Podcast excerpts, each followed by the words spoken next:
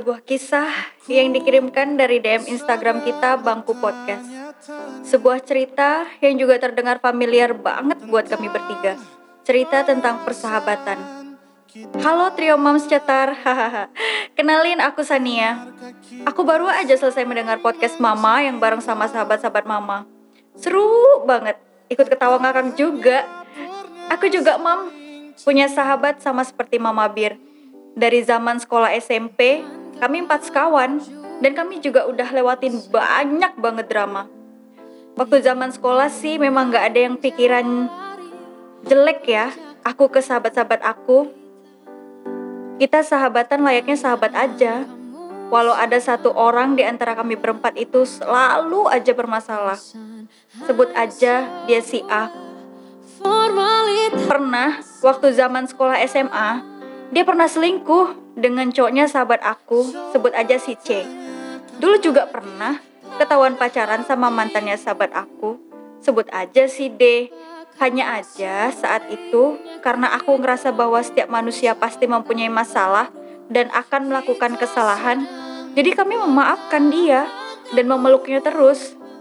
Sehingga kini kami sudah lulus kuliah dan masing-masing dari kami juga sudah memenuhi jalannya. Ada yang kerja, ada yang lanjut S2, ada yang sudah nikah. Termasuk sahabat saya ini, si A. Dia memilih nikah muda.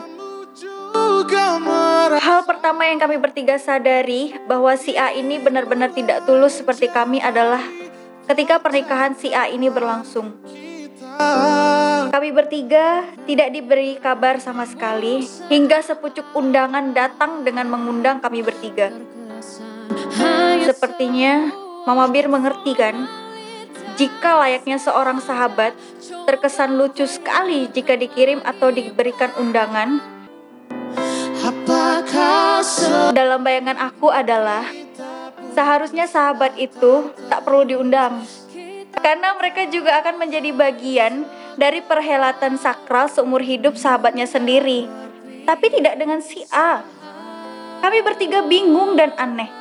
Ya, walaupun kami tetap datang bertiga sebagai tamu undangan, bukan sebagai teman dekat. Kami datang layaknya undangan yang lain. Datang, makan, foto sebentar, pulang. Itu yang pertama. Yang kedua, setelah pernikahan si A, tak lama kemudian sahabat saya si B juga menikah. Sangat berbeda dengan pernikahan si A. Si B sangat-sangat memperlakukan kami layaknya sahabat. Dia menyiapkan semua seragam bridesmaid dan meminta kami mengosongkan waktu demi acara besar si B. Mama Bir tahu, setelah banyaknya drama dan juga kerepotan yang sudah si B korbankan, Sahabat aku si A ini tidak datang di hari H dengan alasan pekerjaan. Oh iya, walau dia sudah menikah, dia masih tetap bekerja.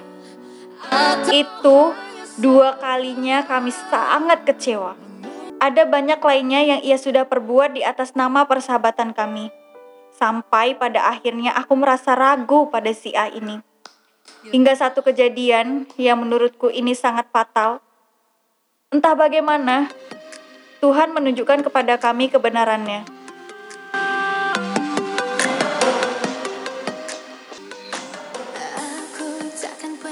Si A ketahuan mengkhianati salah satu dari kami. Ia menceritakan keburukan, bahkan ikut mempengaruhi orang lain untuk ikut membenci kami. Itu merupakan puncak dari segalanya, Mam. Dan aku memutuskan untuk tidak lagi memasukkan dia di grup persahabatan kami dan benar-benar memblokir dia dari hidup kami.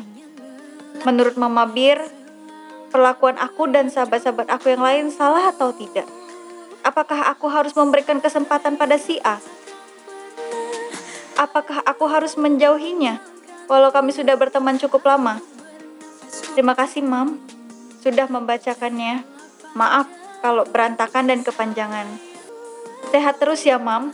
Sukses terus untuk podcastnya. Saran hey. Hai. Untuk kamu yang sudah mengirimkan kisahnya ke sini, terima kasih ya. Kita senang banget kok bacanya, tenang aja. Hmm, persahabatan ya. Senang banget pasti ya sahabatan selama itu dan selanggang itu. Pastilah. Dalam sebuah hubungan itu pasti akan ada yang namanya cobaan dan juga perselisihan. Nah, dari situ kalian bisa mengenal karakter diri kalian masing-masing. Namanya juga masalah. Pasti harus diselesaikan masalahnya. Tapi kalau memang menurut kamu itu sudah fatal banget, ya udah, kembali lagi. Diskusiin dulu dengan sahabat-sahabatmu yang lain. Memang sih, kadang kita ngerasa udah all out ya. Kita udah demi-demi buat sahabat kita. Eh, si sahabat demikian. Itu sebenarnya balik lagi ke diri kita. Mau tetap menerima dia dengan segala kekurangannya dan resikonya, kalian bakal ngurut dada terus. Atau Menjadikan dia seseorang yang tadinya dekat menjadi hanya sebatas teman. Itu terpulang lagi. Nggak mestilah hanya karena lamanya jalinan hubungan itu menjadi satu alasan atau bahkan alasan yang paling penting dalam mempertahankan sebuah hubungan. Kadang semesta itu perlu waktu juga untuk benar-benar nunjukin ke kalian seberapa worth it-nya dia untuk kalian perjuangin. Dan seberapa sia-sianya usaha kalian untuk mempertahankan. Mungkin, mungkin ya, ini tuh udah waktunya aja semesta tunjukin ke kalian. Ini loh si kunyuk ini loh cuma modus doang. Udah jangan tulus-tulus. Gitu. Yang jelas kalian harus tetap satu keputusan. Dan benar-benar lihat juga sisi kebaikan yang udah sahabat kalian itu lakuin di samping jeleknya ya mungkin pasti ada yang baik mau benci benci sikapnya aja, orangnya jangan. Tapi kalau enggak mau memasukkan dia di circle pertemanan kalian juga ya it's okay. Suatu saat kalau diizinkan semesta dia bakal sadar kok bahwa dia sudah melakukan hal yang fatal, melakukan kebodohan yang tak termaafkan. Sekarang biarkan aja dia dengan dunia baru dia dulu. Kalian tetap fokus pada pertemanan kalian. Mulai sekarang ya harus makin kompak, makin erat. Nggak ada yang salah kok. Oke? Okay? Langgeng ya untuk new circle-nya atau lingkungan baru pertemanannya. Saling terbuka, jaga komunikasi, turunkan ego. Itu bakal buat persahabatan kalian tumbuh dan dewasa. Sekali lagi terima kasih ya. Sukses terus. Sering-sering bagi-bagi cerita biar bisa makin dekat sama kita. Hehehe. Jaga kesehatan, jaga diri, jaga hati. Assalamualaikum, bye bye.